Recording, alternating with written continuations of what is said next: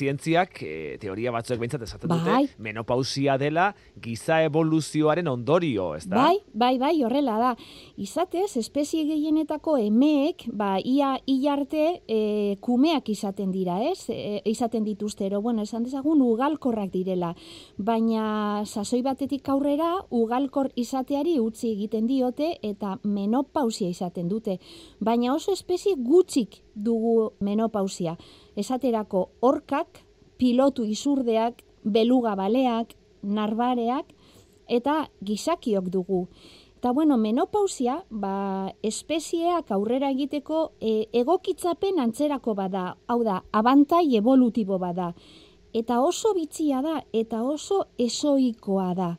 Zer... Zer- Zergatik da abantaila? Zergatik eh, diote on egiten digula menopausia izateak? Ba, esan dezagun gure geneek aurrera joateko modu bat delako. Abantai evolutibo bada, hau da, gureak aurrera egiteko modu bat dala menopausia. Eta orain ikusiko dugu zergaitik.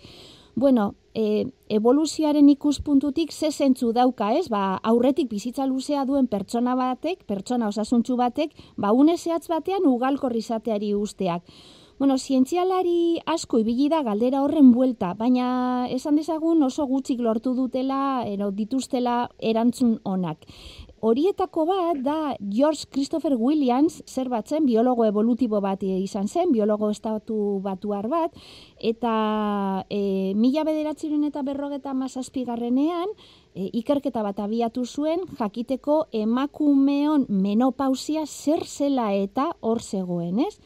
Bueno, ikusi zuen, berak uste zuen, guk emakumeok menopausia izaten badugu, naita ez zer, zerbaiten Zerbaitegatik izan behar duela, ez? Eta naturak zerbaitegatik Bai. jarriko zuela hor menopausia. Eta da? eta ez beraren- eh, izorratzeko. hori da, eta berak esaten zuen, ero bere hipotesia zen, abantail evolutibo bat zela.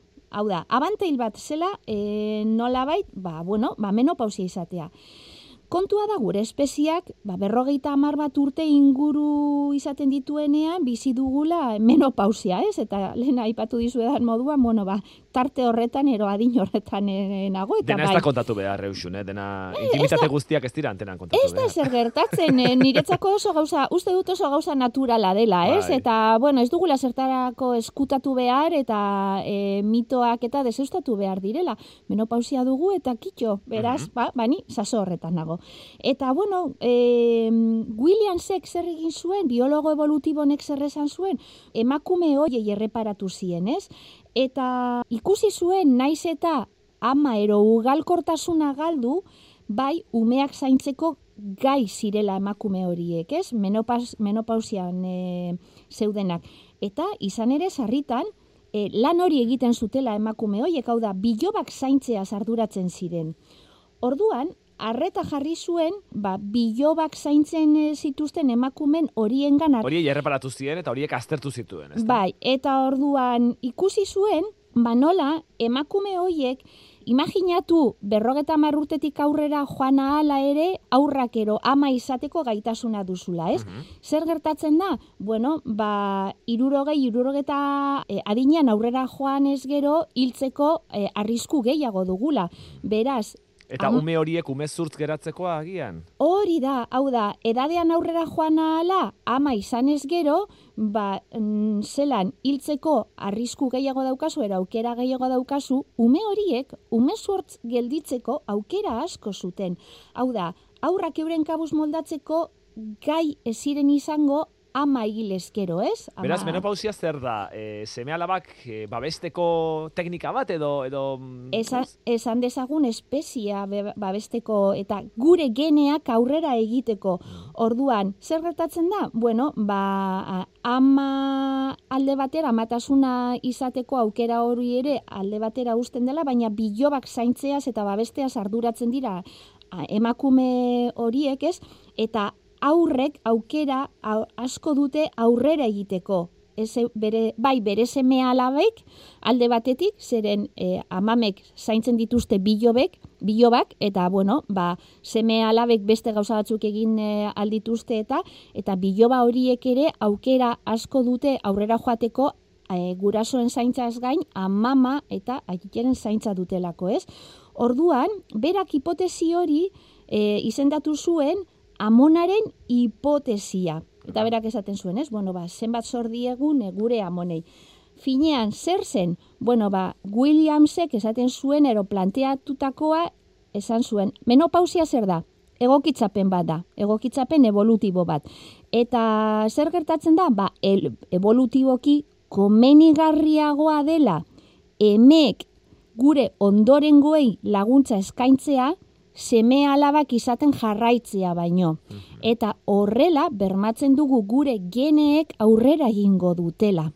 Beraz, e, menopausia ez da gizakiak beti izan duen zerbait, teoria honen arabera, izan da, e, belaunaldiz belaunaldi, evoluzioaren poderioz, e, Bai. hartu dugun edo lortu dugun, nola, nola, nola, nola definituko genuke, funtzio bat, edo, edo Bai, abantai egoera bat, edo abantaila bat, ez da? Abantaia, berak esaten zuen moduan abantaia evolutiboa da. Hau da, ondorengo Mm. gehiago e, izatea baino, helburua litzateke, hau da, gure biloben bizi iraupena bermatzea eta horrela, ba, gure geneak ere aurrera joatea e, bermatzea.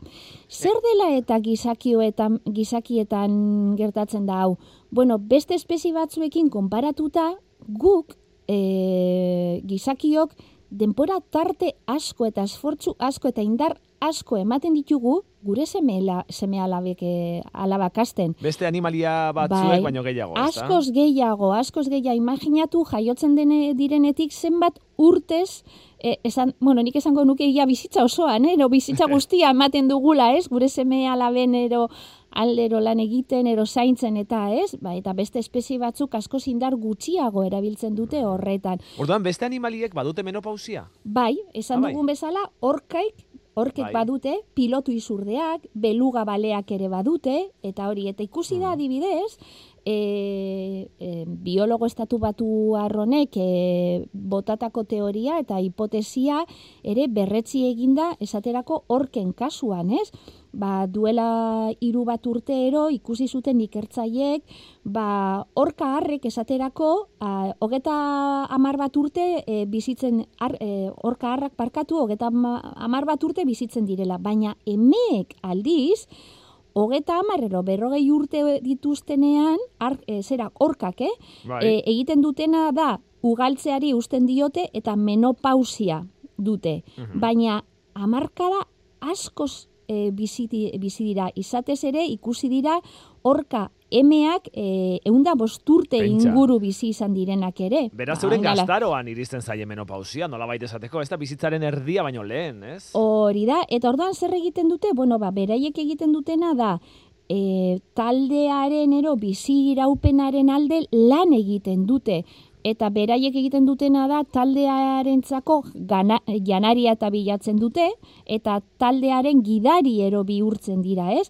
Eta azken helburua zein da, ba, bueno, ba, euren genen bizi iraupena zeren bidez, ba, taldearen bizi iraupenaren e, bizi iraupena bermatuz, ez? Orduan, ugalkor istea, e, ustea, ero, isteari e, usten diote, eta zertarako, bueno, ba, indarrak e, metatzeko taldearen, ero euren Zaintzan, ondorengoaren zaintzan eta bizi iraupenean. Hori dela eta menopausia esan dezakegu, ba, bueno, ba, amonaren hipotesia dela, ez? Beraz, Bai. usune, e, zientziaren ikuspegitik, ikus- ikuspuntu evolutibo batetik, esan dezakegu gora menopausia. Bai, E, ez du fama honik, ez? E, Ez, askotan, ez. jendeari etzaio gustatzen menopausia izatea, ez da? Ba, bueno, batez ere, ba, batzuen kasuan adinan, aur, adinan aurrera doazelako, beste Bai. batzuen kasuan, ba, bueno, ba, badituelako albokalte batzuk ere. Bai, bai, eta bai, orduan, bai, bai, bai. Eh, ez, ez du oso fama honik menopausia, baina zientziaren ikuspuntutik esan dezagun gora menopausia. Esan dezakegu, bueno, ba, aurrera egiteko modu bate dela, Bai. eta menopausiak egia da, hainbat aldaketa ero gaitzen dituela gure gorputzean, ematen du gure barne termometroa apurtuta dugula, horrelako barne sumendiak ditugu Bai. eta bapatean estanda egiten Pixka bat dute. bigarren nerabezaro bat bezala, ez? E, hormonak dantzan eta pixka bat desoreka moduko bat sortzen du batzuetan, Bai, bai, bai, horrelako koktel Bai. berezi bada. Baina horrek ez du esan nahi, zaharrak garenik eta eta gogoratu egin genuena, ez? Eh? Geronton erabezaroa. Hori da. Hau da, e, elduak edo adinean aurrera egin bai, baina hala ere gazteak mantentzen e, garela, ez? Hori da. Beraz, Menopausia baldin baduzu gogoratu horkekin eta gogoratu horkek gaztaroan izaten dutela, beraz, ez toka adinarekin zer ikusirik. Ez da, Ez, ez ez, da zartzaroaren isla, eh? Ez, ez, ez, ez, azken finean da, bueno, ba, prozesu bada, eta ikusi dute zientzialariek Hmm. onurak ekarten dituela gure ondorengoentzako eta gure leinua nola baita aurrera joateko.